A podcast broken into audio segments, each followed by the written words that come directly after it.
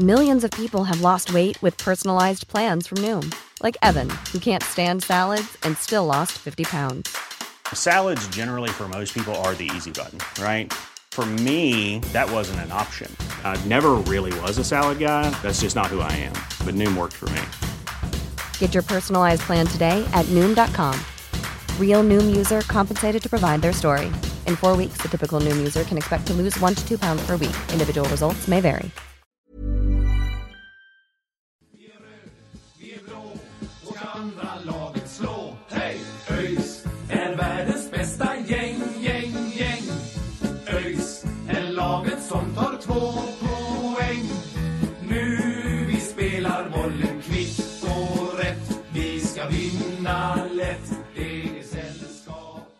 Ja men god dagens på er allesammans och välkomna till ett nytt avsnitt av Öjsnack med Sören och Mackan. Vi eh, har väl eh, inte så mycket goda nyheter att prata om på eh, spelfronten. Utanför så har vi lite, lite roliga grejer. Men eh, på det senaste så har det ju sett ganska tungt ut för ÖIS. Så det har egentligen varit konsekvent sen vi slog Norrby någon gång i mitten av eh, augusti. Det, det är en ganska motig period just nu och eh, kvalstrecket och nedflyttningsstrecket kryper ju allt närmare. Vi är ju faktiskt på 14 plats just nu vilket ju innebär kval till eh, eh, division 1 då, eller kval för att hålla sig, kval för att hålla sig kvar i Superettan om vi ska vara exakta. Eh, vi har två poäng ner till 15 platsen som, som innebär direkt nedflyttning och där hittar vi ju Östersund som vi eh, mötte senast. Vi kommer gå mer in på den matchen senare i podden. Men i alla fall så tänkte vi inleda med något som är eh, lite roligare i alla fall och det är ju skönt det. Det är nämligen så Marcus att vår merch, Öysnack merch som vi väl har valt att kalla den helt enkelt, den eh, släpps ju ganska så snart nu. Ja men så är det. Jag vet inte riktigt när eh, vi kommer att släppa det här avsnittet men den släpps i alla fall den 26 alltså på måndag, det är fredag den 23 när vi spelar in det här. Eh, då släpper vi vår, eh, vår merch. Eh, vi kommer lägga en länk i poddbeskrivningen här också. Och, och sen kan ni hitta det på, på Instagram och sådär också vilken, vilken länk det är. Och där kommer vi att sälja fyra motiv. Tre stycken huvudsakliga och sen ett litet bonusmotiv då. Det första kallar vi för Göteborg. Där har vi Älvsborgsbron och så är det en, en eh, röd eh, dimma som himmel och ett, en blå dimma som, som hav. Eh, och så står det Göteborg rödblått sedan 1887 för att visa att ja, Visa vad det är som gäller helt enkelt. Och det är ju det tror jag är vår personliga favorit egentligen bland eh, tröjorna. För att eh, ofta när vi går hem från matcherna på Gamla Ullevi så, så går vi förbi Älvsborgsbron. Eh, I alla fall jag. Du gjorde ju också det förr i tiden. Eh, och då blir det ofta ett väldigt fint ljus ibland på sommarkvällarna när just det, det, den röda himlen möter det blå havet. Och eh, det kändes fantastiskt att sätta det på, på en tröja. Vi har ju också valt att ta lite inspiration från eh, Brasilien i vår eh, tröja som vi kallar för Samba rödblått. Och där har vi inspirerats av Brasiliens eh, fotbollslogga och satt in våra färger, helt enkelt rött och blått. Ehm, och så står det Samba rödblått under då och så fem stjärnor ovanpå. Och det är ju en hyllning till våra brasilianska sambalirare som ju har varit eh, frekventa i Örgryte genom åren. Mm. Precis. eh, Och en hyllning till, till sambaliret som vi har fått sett en hel del om. Nu har vi ingen eh, brasiliansk spelare men det var ju så sent som i fjol som Ailton var med då. Ehm, sen har vi den eh, sista tröjan med ett riktigt motiv kan man säga. Det är En dag på heden och det är en silhuett av en eh, ÖIS-logga då. Eh, det här vapnet eh, och så inuti så ser man exercishuset, en silhuett av exercishuset på heden. Man ser datumet för första matchen, det står en dag på heden och sådär. Så det är en liten hyllning till vår allra första match, den vi vann mot Lyckans soldater med 1-0 där den 22 maj 1892 då. Ja, och eh, vi har ju också en eh, Öysnack-tröja i tillägg till det här då. Som vi kanske inte väntar oss ska sälja jättemycket. Men vi tänkte det kunde vara lite kul att eh, ta en eh, med, med vår logga också. Vi kan ju faktiskt passa på att nämna också att eh, en del av summan kommer också gå till ÖIS så när ni köper någonting så, eh, så kommer det gå en summa till ÖIS också. Ja men precis, vi vill ju såklart ge tillbaka till ÖIS också. Eh, från eh, någonting roligt med vår merch till någonting som inte alls är lika roligt. Det är ju idag eh, när vi spelar in 23 september och då har det gått 21 år sedan journalisten David Isaac fängslades.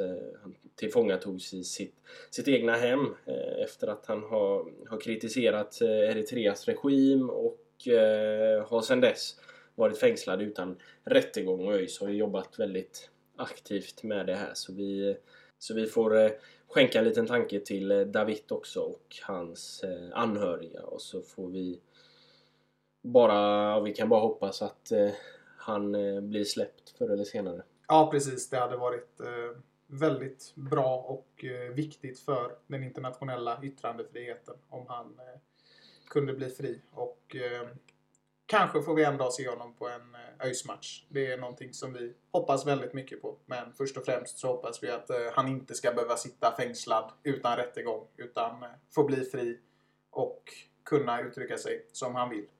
Ja, eh, vi hoppar tvärt emellan olika, olika grejer här. Daniel Bålsson fyller år idag också. Ja, Eh, grattis Polle! Mm. Eh, vi får gratulera lagkaptenen eh, när vi spelar in det här och det är ju ja, vi släpper ju det här ett par dagar senare kanske så ja, han har ju redan fyllt år när ni lyssnar på det. Men, eh, men han fyller år idag så eh, gratulerar till Daniel Paulsson. Eh, och det blir en väldigt spretig inledning här kanske men det är mycket som eh, vi har att eh, snacka om. Eh, vi har eh, tagit in en eh, ny spelare, ett lån. Eh, eh ett sånt här samarbetsavtal med Elfsborg som vi har haft innan som är lite sådär eh, en spelare då som går in och kan representera båda föreningarna under hösten här. Det är eh, Alex Ram, eh, en, en målvakt ifrån från Elfsborg som kommer in och ja, stöttar upp lite nu när Sixten eh, har haft skadeproblem då. Ja, men precis. En ung och talangfull målvakt som ju Elfsborg tror ganska mycket på till eh, framtiden. Han har ju inte spelat på den här nivån innan och jag tror inte syftet med utlåningen är att han ska bli första målvakt utan eh, det som eh, jag tycker är ganska underförstått i alla fall är ju att tanken är att Robin ska vara första målvakt fortsatt och Alex Ram ska vara andra målvakt och vid behov komma in. Jag tycker det är, det är bra och nyttigt att vi tar in unga spelare som har talang. Eh, kanske kan det leda till något eh, lite större samarbete på längre sikt med eh, just den här målvakten. Eh, det får vi väl se, men eh, hade ju varit kul att se Alex i en match. Sen hoppas vi inte att det sker på bekostnad av Robin kanske, men eh, kul att ha honom i föreningen och eh, verkar vara en stor talang. Mm, ja men så är det, men det, det blir ju lite mer av en backup. Eh, Robin är ju ganska gjuten som förstemålvakt nu och har gjort det, gjort det bra eh, sen han, han har fått förtroendet. Så eh, det blir väl lite mer av en, en andra målvakt. Det som var lite märkligt tyckte jag det var här, eh, häromveckan när ÖIS spelade U21 mot just Elfsborg så stod Alex då i i Elfsborgsmålet när han bara några dagar tidigare hade skrivit på ett samarbetsavtal med ÖIS. Så det, det, ja, det var, blev ju en lite märklig situation. Eh, Även eh, i matchen mot Östersund så eh, var han ju med i en u match med Elfsborg så att vi fick ha våran eh, P19-målvakt då i, på bänken. Så ja, det...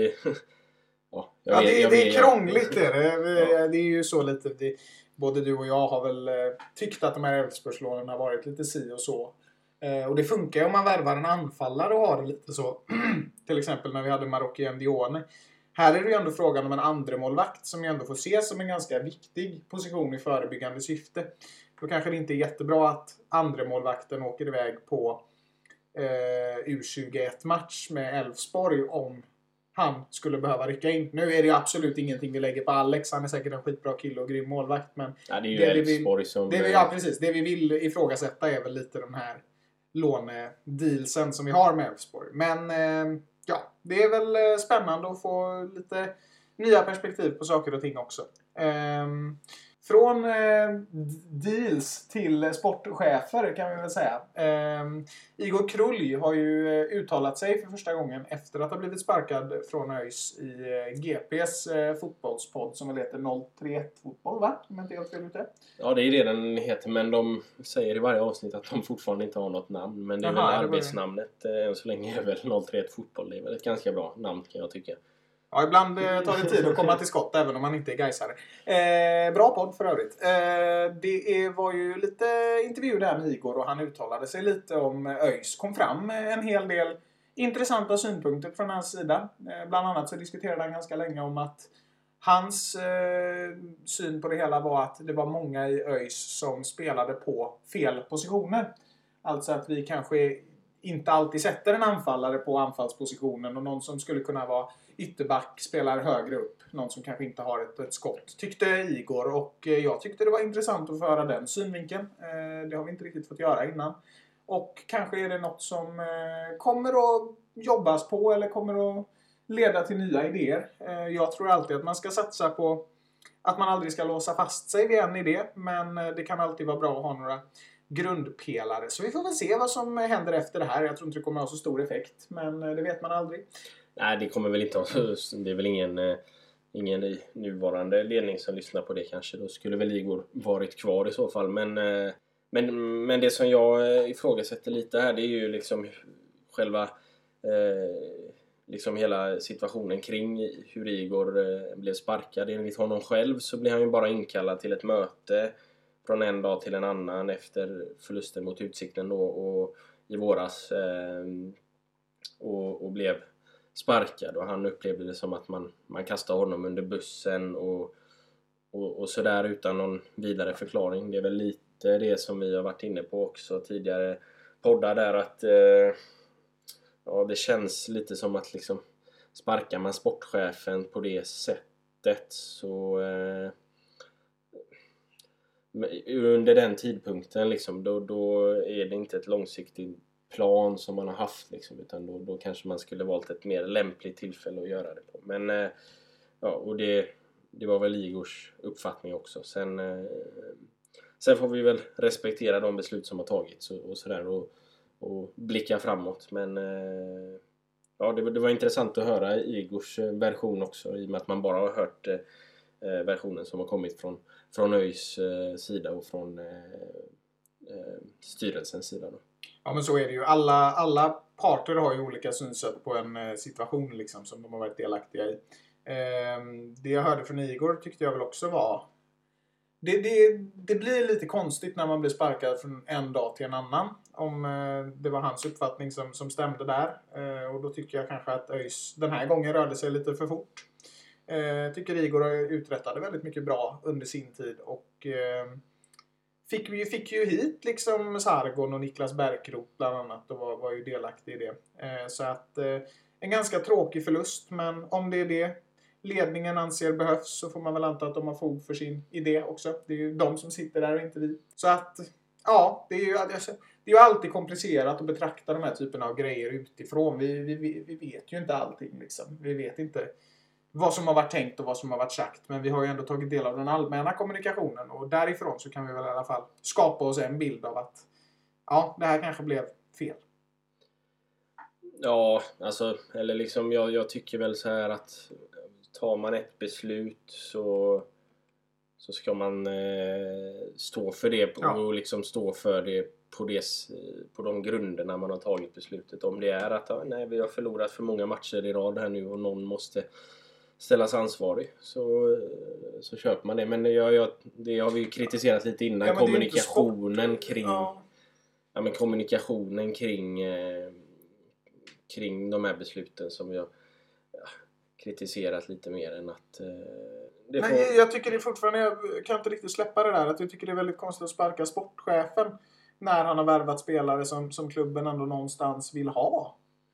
Det är Mm. inte riktigt hans fel att vi förlorar. Liksom. Men eh, ja, ja, eh, ja, ja, hänt är hänt. Ja. Men, men jag tyckte en annan intressant sak som, som Igor var inne på det var eh, att eh, han tyckte att ÖIS bör liksom bestämma sig för en riktning dit man vill. Eh, att man har hoppat lite fram och tillbaka och inte haft en riktigt tydlig struktur på den riktning man vill ha. Och det, det kan jag köpa och det håller jag med om att liksom det, det vore bra om vi verkligen sätter en struktur, sätter ett sätt som vi vill spela på, ett sätt som vi vill ta, eh, ta steg framåt och, och jobba därefter och jobba målmedvetet och långsiktigt eh, efter det istället för att och kanske vända kappan efter vinden lite för, för ofta som vi har gjort de senaste åren då med, med Mm. tränarbyten och sådär. Det har ju varit ganska många tränare här på de, de senaste åren faktiskt och, och det skapar ju ingen kontinuitet och, och långsiktig utveckling eh, kanske. Det, det, liksom, det främjar ju inte det i alla fall. Så, så där har han en, en poäng. Men eh, ja, vi vet ju inte eh, egentligen. Eh, vi, vet, vi har hört bådas eh, versioner och eh, vi får väl bara ställa dem. Eller det är ju ord mot ord liksom. Så det, det är svårt att säga vad som är rätt och vad som är fel. Nej, precis. Vi är ju bara två grabbar som står utanför liksom. Så det är väl, det är väl svårt att dra några riktigt konkreta slutsatser där. I alla fall så var det en sak som Igor sa som jag tyckte var rätt intressant. Och det var ju att eh, när det kommer till eh, tränarposten, vem som skulle träna laget 2020, så var det inte bara Keith Millen som var aktuell från början. Det var även Hammarbys nuvarande tränare Martis Cifuentes och eh, Bartosz Grelak som var aktuella. Och det är ju två spännande namn får man ju säga. Eh, nu blev det kanske inte jättelyckat med Kit. Och det är ju svårt att säga alltid om någon av de andra två hade gjort det bättre. Men jag tyckte ändå att det var intressant att det var så pass stora namn, får vi väl ändå säga, som var inblandade i, i eh, snacket. Ja, nej, men det är kul att höra att det, det var så. Eh, Men innan vi går in och pratar om eh, matcherna som har varit så har ju faktiskt vi spelat matcher också. Vi var inne på det i förra podden där att vi skulle vara med i 1887 eh, Cup.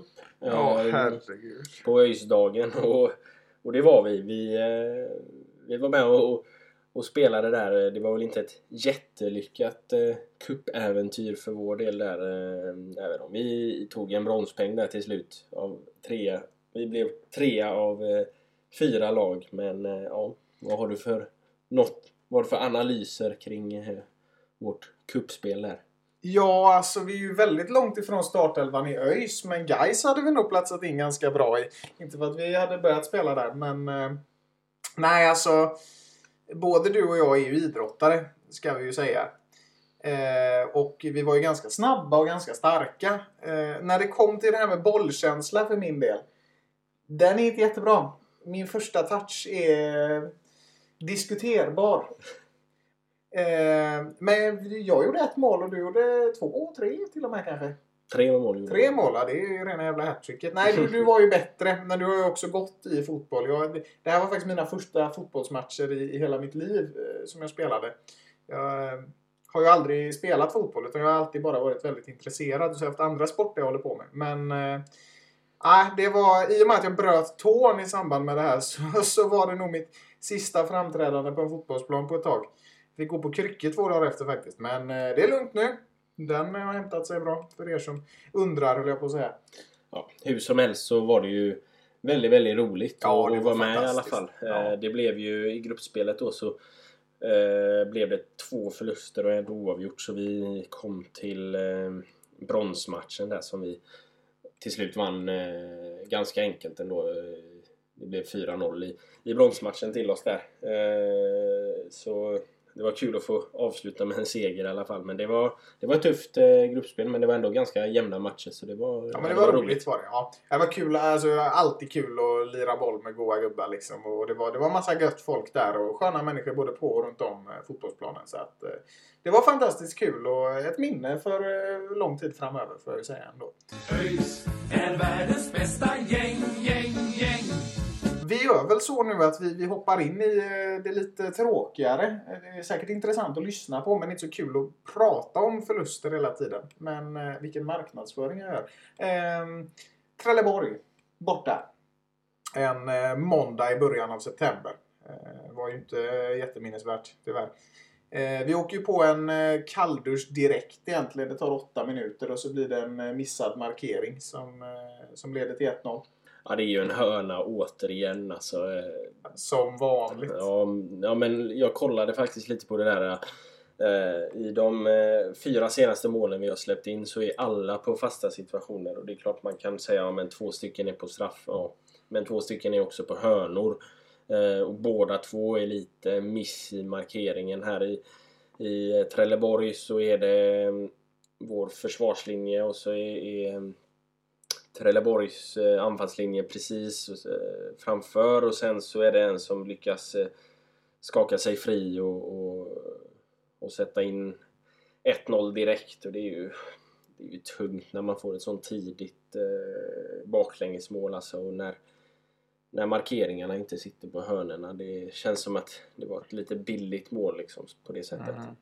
Nej, men jag tycker ju ändå att alltså, rent defensivt sen Brynja kom in så har det ju sett väldigt mycket bättre ut. Men nu på senaste så har det blivit ett ganska rejält kliv tillbaka just på fasta situationer.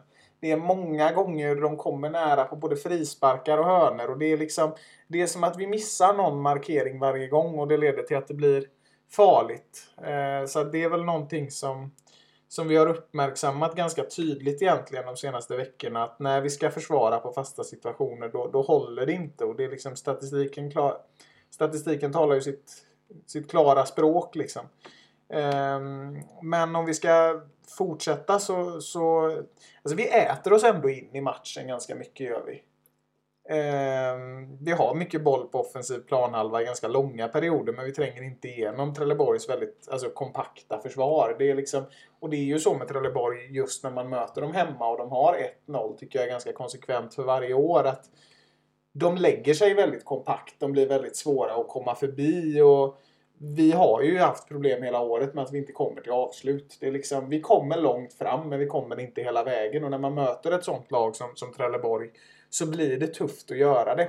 Eh, vilket är jättetråkigt men eh, ah, vad ska man säga? Det, det är ju liksom vi, vi, det vi har att träna på det är att komma fram på de här situationerna för att jag tycker ÖIS egentligen hela säsongen har varit bra offensivt förutom när det ska komma till skott. Mm. Det är bra på att spela oss upp. Det är liksom Alltså även till och med med Dane, då var det ju defensiva haverier istället. Men vi kom fram ganska många gånger ganska bra. Vi spelar oss liksom ja, ner mot hörnflaggorna bra. Vi kan till och med ibland komma igenom på mitten. Men det är den här sista tredjedelen. Då stämmer det liksom inte.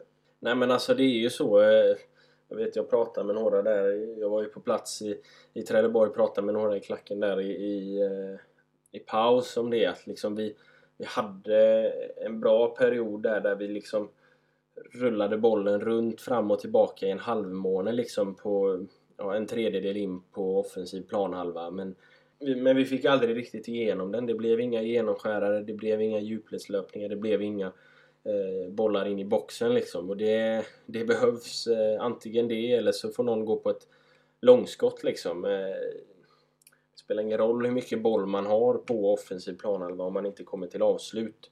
Då kommer vi till ett par ändå liksom lite halvlägen sådär när Bärkroth är väl ett inlägg han slår egentligen tror jag som smeker stolpens utsida och Andreasson har ett läge ganska nära. Den studsar lite fel sådär så den går utanför. Och, men det, det, blir ju aldrig någonting riktigt, riktigt farligt av det när man bara liksom passar runt bollen och försöker hitta lägen som inte kommer.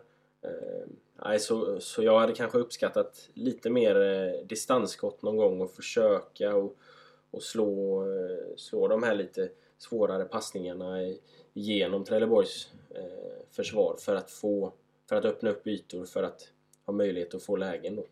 Ja men det ena kan ju alltid leda till det andra. Liksom. Det, det, är ju så. Alltså ett långskott behöver inte alltid gå i mål. Men det kan leda till en retur. Det kan leda till en hörna. Det kan leda till...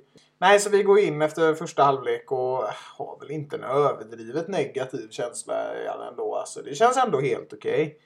Okay. Um, vi går ut i andra halvlek och, och det börjar ju med att Niklas Bärkroth får ett skott i ribban. Och hade vi fått 1-1 där. Då hade förmodligen situationen sett ganska annorlunda ut mot hur den blev. Ja, alltså det är ju ett... Han får ju, där, där är det ju ändå ett långskott. Ja, jo det var Lite längre skott då, men, men då får han på det och så i ribban och så studsar den ut och så är det Isak Dahlqvist som blir lite ställd av eh, att han får returen där och, och eh, får väl inte iväg ett klockrent avslut men ja, det borde varit 1-1 där och då hade det ju liksom ändrat matchbilden helt i, i andra halvlek. Eh, så ja, det var bittert att det inte blev eh, en kvittering där tyvärr. Ja, det var jävligt tråkigt och det är precis som, som, som vi är inne på så alltså det, det hade kunnat förändra saker. Eh, det hade kunnat sätta Trelleborg lite ur spel och så hade vi kunnat fortsätta jaga och få självförtroende med det där målet. Men tyvärr inte. Sen så är det ju som vanligt numera. så jag, tycker, jag, jag, jag tycker inte om att kritisera domare och sådär. Men jag tycker att nivån i år har varit extremt låg på domsluten. I den här matchen så har vi två straffar. Jag tycker ingen av dem är straff.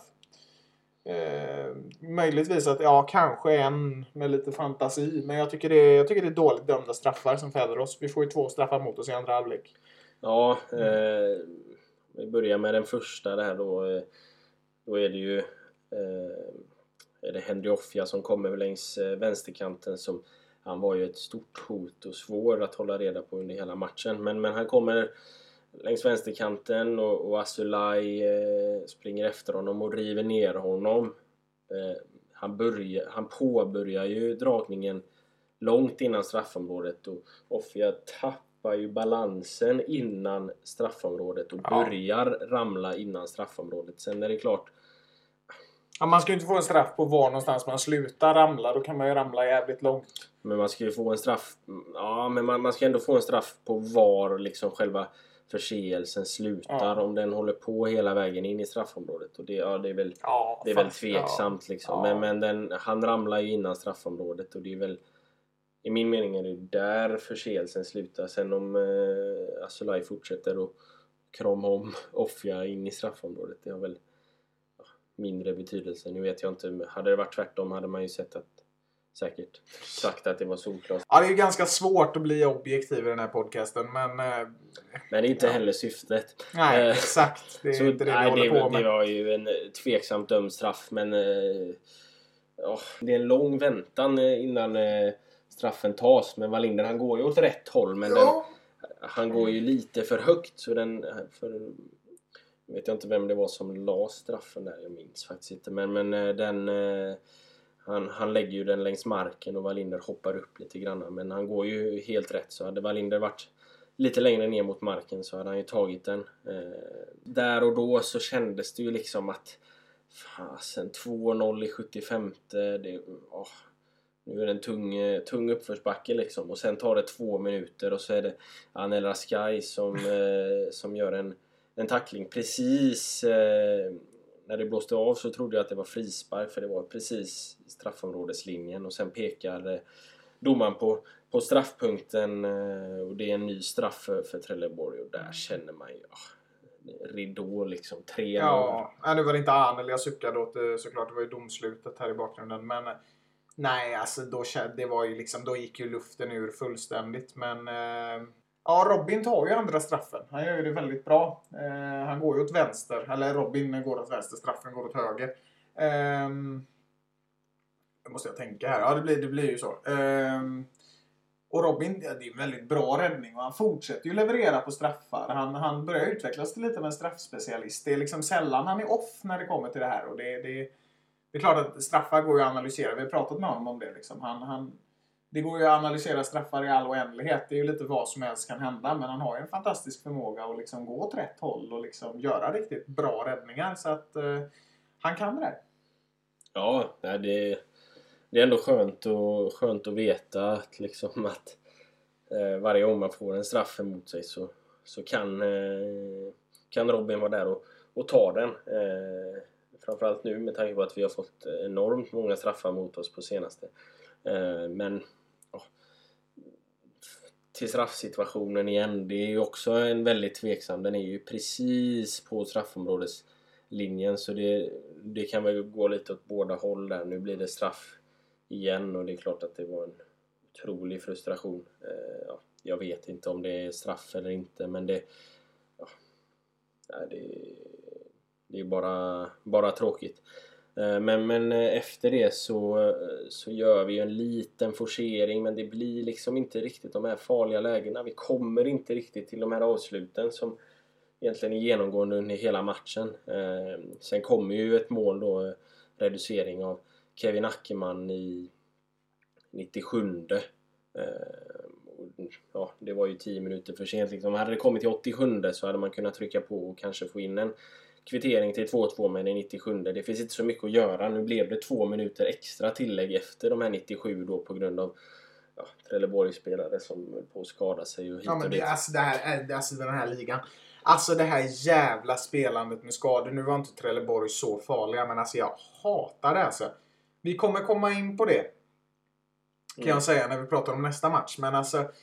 Vad är det där med att man liksom ska bara lägga sig ner och hålla på och spela färdigt matchen så vi får något gjort? Ja, ja, Jag känner mig det- som arga snickaren varje gång. Men alltså det är Men det fan blir ju bara, det blir ju liksom alltså. bara, man lägger ju Det bara till det blir- tiden. Jo men det är bara så, det är bara så jävla fjantigt. Ja, det- Det- Om det ändå ska läggas till tid, då kan de fortsätta springa. ja, jo. Det är liksom, absolut. alltså, eller förstår du? Ja, det är liksom, alltså... Ja. Ah.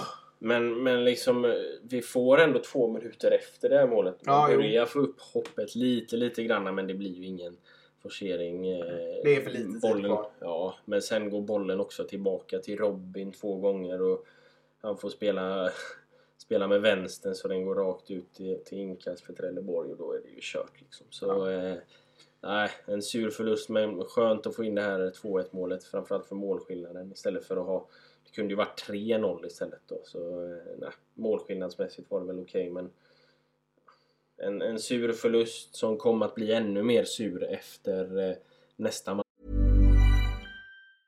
Hey, I'm Ryan Reynolds. Recently, I asked Mint Mobile's legal team if big wireless companies are allowed to raise prices due to inflation. They said yes. And then when I asked if raising prices technically violates those onerous two year contracts, they said, What the f are you talking about, you insane Hollywood ass? F- So to recap, we're cutting the price of Mint Unlimited from $30 a month to just $15 a month. Give it a try at mintmobile.com slash switch. $45 upfront for three months plus taxes and fees. Promo for new customers for limited time. Unlimited more than 40 gigabytes per month. Slows. Full terms at mintmobile.com. Burrow's furniture is built for the way you live. From ensuring easy assembly and disassembly to honoring highly requested new colors for their award-winning seating, they always have their customers in mind. Their modular seating is made out of durable materials to last and grow with you. And with Burrow, you always get fast, free shipping. Get up to 60% off during Burrow's Memorial Day sale at burrow.com slash ACAST. That's burrow.com slash ACAST. burrow.com slash ACAST.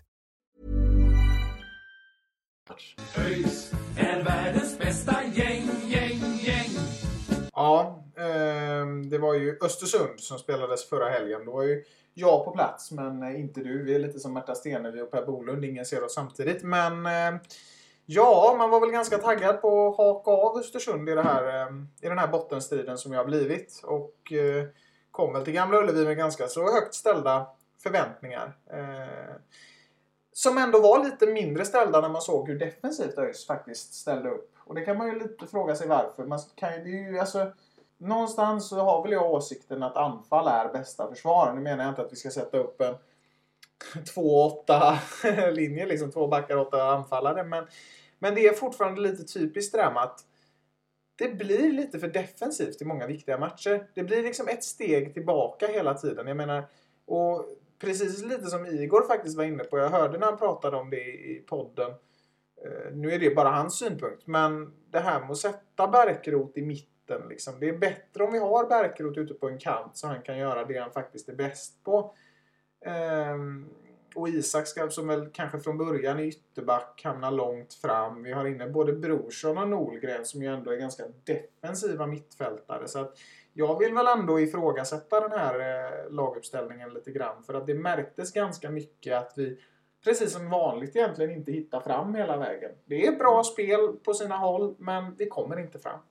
Ja men alltså framförallt när man möter ett sånt lag som Östersund som eh, har haft en lång bortaresa hit och de ligger väldigt dåligt till i tabellen. Då, då ska vi ju ställa upp offensivt tycker jag och liksom bara ösa på från början. Nu eh, har vi två anfallare i Viktor Lundberg och Alexander Ahl Holmström och ingen av dem får eh, får starta. Båda kommer ju in sen. Vi har också Herman Sjögrell som vi ska komma till kommer in och gör ett, ett bra jobb och, och som inte heller får starta som är en offensiv spelare. Eh, Vi skulle ju starta med Anel Raskai som kanske är en sån som fördelar lite mer eh, Ja. framåt och Brorsson på bänken då. Men, och, och sen så skadar sig eh, Raskai. Eh, så då får Brorsson hoppa in medan vi har kvar på bänken eh, Erion Sadiku då som, som kanske motsvarar eh, Anel Raskai i spelarstil och sådär. Så det mm, ja, jag vet inte.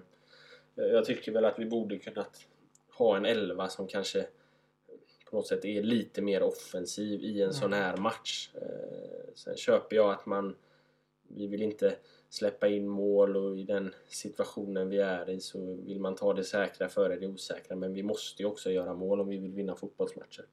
Jo, jo, det hör ju till liksom. Man kan inte... Alltså det finns en gammal sägelse som liksom är ja men eh, anfall vinner matchen, försvar vinner serien. Men totalförsvar vinner ju inga serier. Eh, så att vi måste lägga oss mer framåt. Jag menar, just i en sån här viktig match så är det liksom lite plattan i mattan i mitt tycke som gäller. Det går liksom inte att lägga sig lite långsamt och försöka hitta hål för det här är två lag som är desperata. Framförallt Östersund, de är helt desperata. De trycker på allt de kan. De vill bara få fram bollen för att liksom lyckas. Eh, och precis så, alltså vi kommer ju komma mer till det, men de börjar maska naturligtvis. Och då, då är det lite att vi är kvar på det här defensiva. När de liksom backar och försöker parkera så kommer vi fortfarande inte riktigt fram. För att det blir att man överjobbar lite och det blir lite för mycket fokus på att inte släppa in 2-0 snarare än att göra 1-1. Mm. Ja men precis eh, så är det ju. Det händer, alltså, går man in på första halvlek så händer det ju inte sådär jättemycket. Vi har ganska bra koll på Östersund. De skapar ju ingenting överhuvudtaget egentligen. Eh, Men vi skapar inte sådär jättemycket heller. Liksom vi, vi, vi har mycket boll och vi trycker på lite granna men det blir inga riktigt heta chanser. Det var så jävla ointressant. Mm. Alltså Ja, jag ska men inte liksom- ljuga ens. Och det är, det är inget man behöver kritisera för. Men det här var ta mig fan den tråkigaste matchen. Eller tråkigaste första halvleken i alla fall jag har sett på riktigt länge. Mm. Det hände, alltså det hände ingenting. Jag minns, Nej, jag minns fan knappt att jag var där. Ja. Och det, det, är liksom, det är ju så det är med fotboll. Men alltså... Det, det var väl kanske lite så också att Östersund från början också kanske hade någon form av defensiv tanke. Som gjorde att liksom ingen gjorde någonting. Båda var så rädda att förlora matchen så ingen vågade vinna matchen. Nu gjorde ju Östersund det på ännu en straff. Ja, som vi in som är tveksam. Vi eh, kan ta den direkt för det finns inte så mycket mer att snacka om i första halvlek. Alltså det är ju...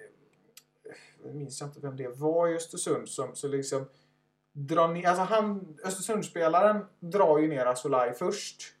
Och sen är det liksom... Fortsätter ju det här liksom. För Asolaj kommer ju liksom efter.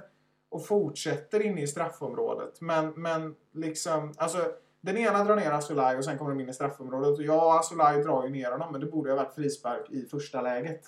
Och då blir det ännu en straff som jag tycker är tveksam. Det finns alltså... Det är alltid lätt att diskutera. Ja, var den här straffen helt självklar? Men de senaste som jag har fått dömda emot så tycker ingen av dem har varit självklar. Och det kan jag säga Nej, jag- helt ärligt. Nej, det har de inte varit. Alltså det är ju det är ju klart så här. Om man bortser från det att Asulaj blir neddragen först, då är det ju en, Jo, en solklar Men han straff. blir ju neddragen innan. Men blir man neddragen först så ska man ju ha, då ska ju han ha frispark i första läget. Precis. Då ska ju inte ens, då ska liksom inte Då ska bollen vara död. Ja, precis. precis. Eh, så, det är ju, det är så, nej, det är så, Ja, det är töntigt. det är så segt. Och sen är det ju 1-0. Det är en ganska bra slagen straff. Robin går åt fel håll. Eh, och det är 1-0 till, Öst, eh, till Östersund som, som stänger igen helt efter det och, och maskar eh, enormt. I synnerhet då Ali Keita i, i målet som, som maskar något så kopiöst. Han får, Jo, ett, gult, här- han får ett gult Ja, för men den här gången var det fan parodi och det var ju från minut 55 det drog igång alltså. Mm. Man blir ju fan helt matt. Alltså det var, det var ju för fan tråkigare än att stå i valkön alltså. Det var ta mig fan det tråkigaste jag varit med om. Och det maskades och det ramlades från alla håll. Alltså det, man, man undrade ju liksom vilken Östersundsspelare som skulle ligga ner i gräset eh, om en minut snarare än vad som ska hända nästa minut. För det var ju redan klart.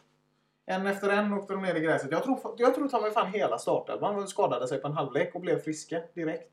Mm, ja, men Då är det ju något som är liksom- jävligt fel. Det är också svårt att liksom... Eh, det är svårt att få någon kontinuitet i spelet. Jag vet att eh, om det var... Nu var det ju Fredrik Ahlstrand då som höll i... Eller som var huvudtränare för dagen eftersom Brynja var, var avstängd då efter Trelleborgsmatchen.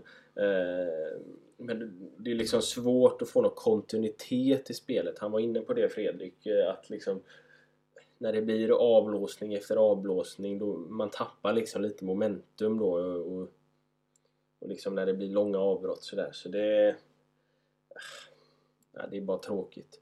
Eh, Men apropå straffar så hade ju vi... eh, två, tre straffsituationer. Vi borde ju fått minst en straff i den här matchen kan man tycka för det var, det var flera lägen. Isak Dahlqvist blir nerriven någon gång. Herman Sjögrell blir nerriven. Så ja, det.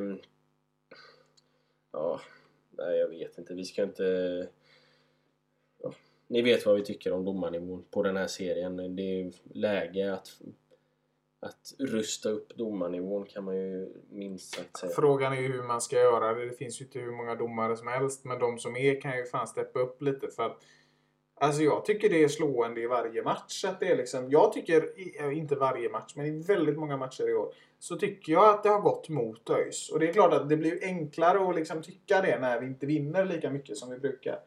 Men jag tycker ändå många gånger så är det straffar som inte riktigt stämmer. Det är någon frispark här, det är någon frispark där. Och, och den helheten bidrar ju ändå till ett missnöje liksom. Sen, Mm. Framförallt liksom när, när det är straffar som ändå blir så Ja, matchavgörande. precis. liksom att, att det är mer i domaren som avgör matchen. Jag vet att andra lag har varit inne på det också. Andra tränare eh, har varit inne på det också. Liksom att eh, det, är, det är för dålig domarnivå. Eh, både i Superettan och i Allsvenskan. Så nej, vi får väl bara be till gudarna att eh, domarnivån höjs framöver. Ja, nej men precis. Alltså, det, och det tycker jag liksom någonstans gäller oavsett vilka det är som spelar mot vilka. Att eh, det behövs en liksom... Det är dags att steppa upp lite, tycker jag. Eh, sen är vi inte domare själva, så att eh, vi, vi fattar ju att det är svårt också, men, men eh, ändå. Eh, över till något som i alla fall är lite roligare var att Herman Sjögrell kom in och, och gjorde, det, gjorde ett bra inhopp. Liksom. Han, han, han har bra inlägg, han jobbar på bra offensivt, han gör mycket rätt liksom. Men han är ju också fast på bänken. Ja, nej, jag tycker väl egentligen han borde fått starta en sån här match kanske. Jag vet att eh, ett argument för att han inte startar så mycket är hans att han inte är lika bra eh, defensivt som några av de andra yttrarna. Och det kan man väl hålla med om, men, men eh, en sån här match, eh, vi behöver vinna, vi behöver trycka på offensivt. Då tycker jag att han definitivt eh, är lämpad för att, för att starta. Han, han är ju farlig. Alltså varje gång Herman Sjögrell får bollen så, så kan ju i princip vad som helst hända i offensiv väg. Så eh, nej, jag hade velat se han från, från start i den här matchen. Så det var lite synd men eh, man kom in och, och var farlig offensivt. Sen, sen blev det ju inte så mycket till slut ändå men, eh, men han var i alla fall eh, offensivt bra tyckte jag. Eh, så. Nej men eh, absolut, det är en spelare med bra offensiva kvaliteter som hade kunnat komma väl till pass i en eh, sån här match. Eh, ja, har vi några fler eh, tankar och funderingar? Ja, alltså en grej jag noterade apropå domarnivån lite grann sådär, var ju i var det 88 eller något sånt där när Paulsson driver in från, från vänsterkanten lite grann och har ett skottläge och domaren liksom står i vägen lite grann. Så han får ju liksom avvakta med sitt skott och det är ju... Ja, ja domarnivån. Det är väl summeringen av eh, de här två matcherna lite grann tycker jag. Det är ju liksom en det är en så oerhört tung förlust för hade vi vunnit så hade vi liksom med största sannolikhet undvikit eh, direktnedflyttning men nu är vi ju liksom meddragna i den här direkta bottenstriden eh, och, och det liksom är snarare att försöka kolla bakom sig så man inte blir kappsprungen än, att kolla uppåt. Ja, Så vi, det, vi har gjort på de tre D-na. Defensivt, dumma motståndare och dåliga domare. ja, ja, det kan man väl summera med de här matcherna. ÖIS är världens bästa gäng, gäng, gäng. Om vi eh, ska blicka framåt så har vi två matcher som kommer som är två eh, riktigt tuffa matcher. Alltså det är ligatrean eh, Brage och sen är det serieledande Halmstad. Brage först nästa vecka. Enkronasmatchen. Vi hoppas att eh, det kommer dit mycket folk för eh, det behöver vi. Det gör vi verkligen. Vi hoppas få se så många som, som möjligt på den matchen. Eh, vi minns ju matchen i våras mot Brage. Den var ju inte jätterolig. Eh, det blev väl 4-0. Det var väl egentligen den sämsta av alla. Den och utsikten var ju liksom, det var riktiga bottennapp och det rann iväg som bara fan alltså. Ehm, sen det som jag ändå tycker känns lite bra med Brage, det är ju att det är ett topplag i knackig form. För det är ofta de som är rätt lätta att knäcka. De börjar bli stressade, de känner att de är... Det är ju vi med, men de har någonstans... Alltså, på ett sätt så har de ju mer att förlora. De har liksom en, en allsvensk plats att förlora, om du förstår vad jag menar. Vi, alltså, det är på något sätt mer känsligt tror jag när man ligger uppe i toppen och det liksom egentligen bara kan gå fel. ÖIS kan ju fortfarande liksom rädda upp det här på något sätt. Vi slår ur underläge alltså. Kortfattat sagt. Ja, nej men eh, så är det kanske. Det skiljer ju bara en poäng mellan Brage som ligger tre och Trelleborg som ligger femma nu. Så det är ju väldigt tight där uppe. Så de behöver ju också alla poäng eh, de kan få. De har ju som sagt då haft det lite knackigt. De har bara sex poäng på de senaste fem matcherna. Eh, förlorade ju senast mot, mot Trelleborg som gör att Trelleborg nästan är ikapp dem nu då. Eh, men det var på hemmaplan och på bortaplan har de varit väldigt, väldigt bra sett över hela säsongen. Eh, två raka bortasegrar, de har bara en enda förlust på bortaplan över hela säsongen. Så det är ett, ett bortastarkt lag eh, i, i Brage. De, de gillar att eh, vara iväg från Borlänge. Ja, det kan jag förstå att man gillar. Ehm, det gillar jag också. Men eh, ja, nej, det är oroväckande statistik när man ser ur den synvinkeln. Men eh, alltså, det är ju så att liksom vi, vi, vi får ju liksom göra vad vi kan och se till så att de börjar darra. Men eh, två som kan vara bra att se upp med i den här matchen var ju två bra offensiva spelare i Joakim Persson och Niklas Söderberg och, och sistnämnde eh, gjorde ju två mål mot oss senast. Så det är ju en offensiv eh, duo som är, mm, de är farliga. Jonathan Asolaj och Marcus Hagelin Sangré, de kommer få jobba här. Ja, eh, och så får eh, Asulaj hålla sig på rätt sida om straffområdeslinjen nu då. Eh, Ja. Även om han, vi tycker att han har gjort det innan också. Ja, det gjorde han förr också. Det är domaren som ska hålla sig på rätt sida av straffområdeslinjen. Det är inte Ja. Asolajs fel. Nej, precis, precis. Eh, men, men liksom det det är ju en, det är ju som alltid egentligen den här säsongen. Det handlar mer om att vi ska få till vårat spel. Eh, och jag tycker nu förhoppningsvis med lite mer folk i ryggen då på enkronasmatchen så, så kan vi trycka på och, och, och förhoppningsvis göra en offensivt stark match eh, mot Brage och ta tre poäng. Eh, så. Ehm, efter eh, Brage så är det en av de kanske tuffaste matcherna på hela säsongen. Det är eh, Halmstad borta på Örjansvall. vall. Eh, ett Halmstad som är urstarkt egentligen på, på hemmaplan och en, eh, de är ju serieledare även om det har liksom knackat lite granna på senaste tiden men, men det har ju främst varit då på bortaplan men hemma så är de så enormt starka. Ja, nej men precis. Alltså det är ju... Det är ju ett fantastiskt lag. Åtta segrar på de tio senaste hemmamatcherna. Det, det säger ju en del och det är det. Alltså, Halmstad är överlägsna i den här serien. Det går inte att bortse ifrån. Men gör vi vad vi gjorde mot dem i första matchen i våras, då är det ju inte omöjligt va? Det är ju så. Eh, Vi ska komma ihåg Halmstad torskade 3-0 borta mot Norrby för inte så länge sedan. Och liksom, det, alltså, det är klart att det var en bortamatch, och de, men man ska komma ihåg, de börjar bli lite bekväma också. De har ett så pass bra avstånd upp till resten att det kanske inte blir den inlevelsen som fanns i omgång 12. Liksom i sista omgången. Även om ingen skulle säga det så alltså det psykologiska är ju ändå ett faktum. Man slappnar av lite mer. Man börjar inte liksom stressa ihjäl sig om man ligger under på samma sätt som, när det är, som Braga hade gjort. Liksom. Och det kan ju vara både bra och dåligt. Det kan ju vara det som får igång maskineriet liksom. Men, men jag menar, tittar vi nu med, med sex matcher kvar i toppen så är det ju liksom Halmstad och Brommapojkarna ligger ju på, på 51 och 50 poäng och sen är trean Brage eh, ligger tillsammans med Öster på, på 40 poäng. Det är, liksom, det är ganska överlägsna siffror och jag har ju väldigt svårt att se att det inte blir Halmstad och Brommapojkarna som går upp direkt i år. Eh, Ja, alltså.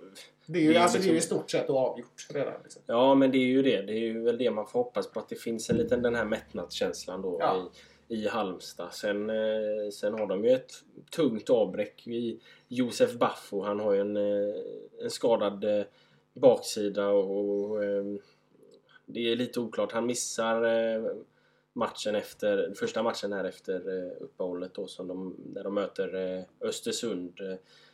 Vi får se om han även missar. Förhoppningsvis missar han även ÖIS-matchen. Han är ju en, en viktig ytterback. Han har gjort hela sju mål men han, han tar väl deras straffar också så det är Ja. därför han är uppe på så många mål. Eh, Men, eh, En av Superettans bästa. ja men så är det ju verkligen. Eh, De har ju Riktigt Förutom Baffo så har de ju ett helt enormt stabilt defensivt ja, ett försvar helt enkelt. Kanske ett superettans bästa målvakt i Malcolm Nilsson Säfqvist och definitivt superettans mest rutinerade spelare i Ante Johansson. Men, eh, Ja, vad är han nu? är- Är det, börjar snart vad är han, 55? det börjar bli pensionsdags snart. Nej men eh, Johansson, eller Ante G som han kallas. Han har, han har ju alltid varit med på ett eller annat sätt liksom. Det, han, han är väl Halmstad BKs svar på Stojan Lukic. Stojan som för övrigt eh, jag har skrivit på någon form av kontrakt med Varberg om vi får eh, vända blad lite snabbt här. Eh, Ja, det har, vi, har vi varit inne på det? Nej, det Ja, kanske inte jag har. vet faktiskt inte. Oavsett så är ju Stojan eh, a different breed som man säger på engelska. Det, det är ju, ja, han är ju helt otrolig alltså. Och Ja, samma ju- gäller ju Ante G. Ja, Underskatta aldrig gubbarna. nej, nej, verkligen inte. Och är fan äldre än Zlatan. Ja. Zlatan är ju sketgammal. Ja, men Ante G är också... Nu är han ju inte lika bra som Zlatan kanske, Ante men han är ju väldigt... vuxen när vi föddes för helvete. Alltså på, det, på riktigt då. Ja, Alltså för, fattar du hur gammal han faktiskt är? Det är ju rätt att tro. Han, han, alltså, ja, han var ju med i Superettan när jag föddes liksom. Till och med Allsvenskan på den tiden. mm. ja men eh, så det är ett... eh, Det är eh, en svår nöt att knäcka deras defensiv då, men... Ja, Ja, det är fan ingen brist på rutin. nej, nej, det kan man inte säga. Josef Baffo var ju med och vann eh, U21-EM eh, 2015 va? Eh, Ja, det också. var han kanske. Så, eh, ja. Men han var finns- inte med i startelvan, han var på bänken. Ja, det var nog. Men det finns rutin i alla fall. Eh, men sen har de ju Alexander Johansson som har gjort 15 mål i år. Så det, han blir någon att se upp med offensivt också. Så de har eh, både defensiv och offensiv. Eh, så det är nog säsongens tuffaste match. Ja, jo det är det ju för alla lag. Jag ju, hoppas egentligen bara att vi kan få med oss en trea av de här två matcherna. Då hade jag varit nöjd egentligen. ja, det är samma här. Det är skittuffa matcher. Det är ju liksom två, två av seriens tre bästa lag som vi ska möta. Så att eh, kommer vi därifrån med sex poäng, då eh, tror jag fan vi får korka upp en bärs till nästa avsnitt alltså. Det, det hade varit ovärderligt, men eh, med tanke på att tabellen ser ut som den gör så kanske vi inte ska ha allt för högt ställda förhoppningar. Så, så är det tyvärr. Mm, så är det. Men det, det hade varit behövligt att få åtminstone tre poäng i, i den här och då får man väl hoppas på Brage-matchen först och främst i alla fall. Ehm, för det, alltså, det är så jämnt här nere i bottenstriden. Vi har Dalkurd på 21 poäng. Vi har eh, Östersund på 22. Sen är vi på 24 och Västerås på 25. Och sen är det Norrby och Jönköping på 27 och så Utsikten som har rasat igenom tabellen på 29.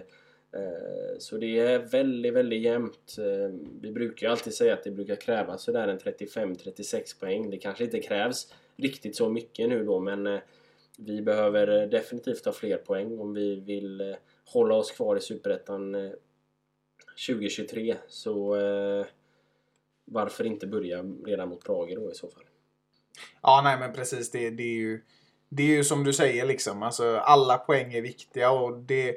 Alltså egentligen så kan vem som helst från tionde plats och neråt åka ut. Så är det ju. Till och med Utsikten kan göra det om de börjar harva riktigt ordentligt. Och det har vi sett att de har gjort egentligen sen i, sen i somras. Så att... Eh, ja, det känns som att lite vad som helst kan hända. Eh, men jag skiter egentligen i vad som händer. Det enda jag bryr mig om är att vi ska börja plocka poäng. Vem som hamnar under strecket, det bryr jag mig inte om så länge det är ÖIS. Det får gärna vara Östersund för att de maskar så jävla mycket. Så länge det inte är ÖIS. Ja, Så länge det inte är ÖIS, jag fel. Ja, det var, ja. Jag antar att alla förstår vad jag, vad jag menade. Så länge det inte är ÖIS naturligtvis. Det, det är inget vi strävar efter.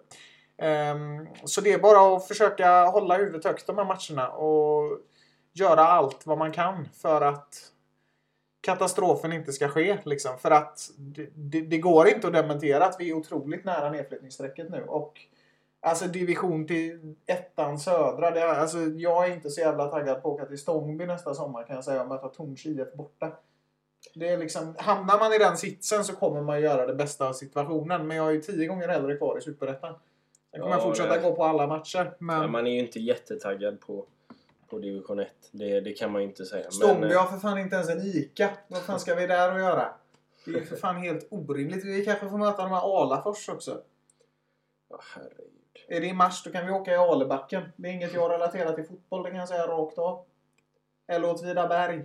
Ja, Men nej, det hade ju varit en hållning i och för sig att dissa alla de här ställena. Det brukar ju du och jag vara rätt skickliga på. Men, men nej, alltså vi, vi vill inget annat än att vara kvar i Superettan. Alltså det är liksom allt. Alltså om vi bara får vara kvar i Superettan så på något sätt så är det lugnt. Alltså, det är inte lugnt för vi vill ju naturligtvis högre. Men så som det känns just nu så alltså allt för att vara kvar i den här ligan. Mm. Det, är liksom, det hade varit så jävla gött. Ja, och det är lite den mentaliteten som spelarna måste ha nu också. Att det, det är allt eller inget här i kommande matcher. Vi, vi måste ta poäng för att hålla oss kvar. Och så enkelt är det. Skitsamma vilka lag vi möter egentligen. Utan vi, vi måste gå in för att vinna varje match. Eh, ja, så det är väl egentligen det budskapet vi skickar med. Eh, och så får vi hoppas på ja, poäng nästa gång vi sitter här. Ja. Det är allt vi vill. Så eh, ses vi på eh, enkronasmatcherna och glöm inte att eh, köpa våran merch som alltså kommer på måndag. Mm. Och sen ska vi säga det att i mörchen så, mörchen, så kan eh, fler eh, grejer dyka upp också. Vi, vi, det är inte vår, eh, våra enda tröjor vi kommer släppa i planen i alla fall. Vi, vi har fler grejer på gång. Det har vi. Det kommer komma lite i takt med eh, eh, ja, lite olika jubileum av olika saker. Och Ja, sådär så som vi, kanske vi kommer på någon jävligt bra idé någon gång som helt enkelt bara blir en tröja. Det återstår att se mina vänner. Men eh, tills vidare så eh, tackar vi så jättemycket för att ni har lyssnat hela vägen hit och önskar er en fortsatt jättetrevlig dag eller kväll eller morgon eller vad det nu än kan vara. Så, så hörs vi när vi har tagit 6 poäng mot Halmstad och Brage. Ha det gött! Hej! Vi är blå och ska andra laget slå. Hej! ÖIS är världens bästa gäng, gäng, gäng. ÖIS är laget som tar två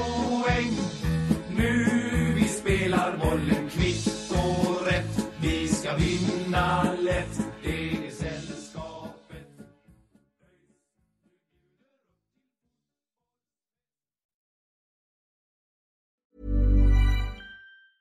Hi, I'm Daniel, founder of Pretty Litter. Did you know cats tend to hide symptoms of sickness and pain? I learned this the hard way after losing my cat, Gingy. So I created Pretty Litter, a health monitoring litter that helps detect early signs of illness by changing colors, saving you money and potentially your cat's life. Pretty Litter is veterinarian developed, and it's the easiest way to keep tabs on your fur baby's health right at home. Go to prettylitter.com and use code ACAST for 20% off your first order and a free cat toy. Terms and conditions apply. See site for details.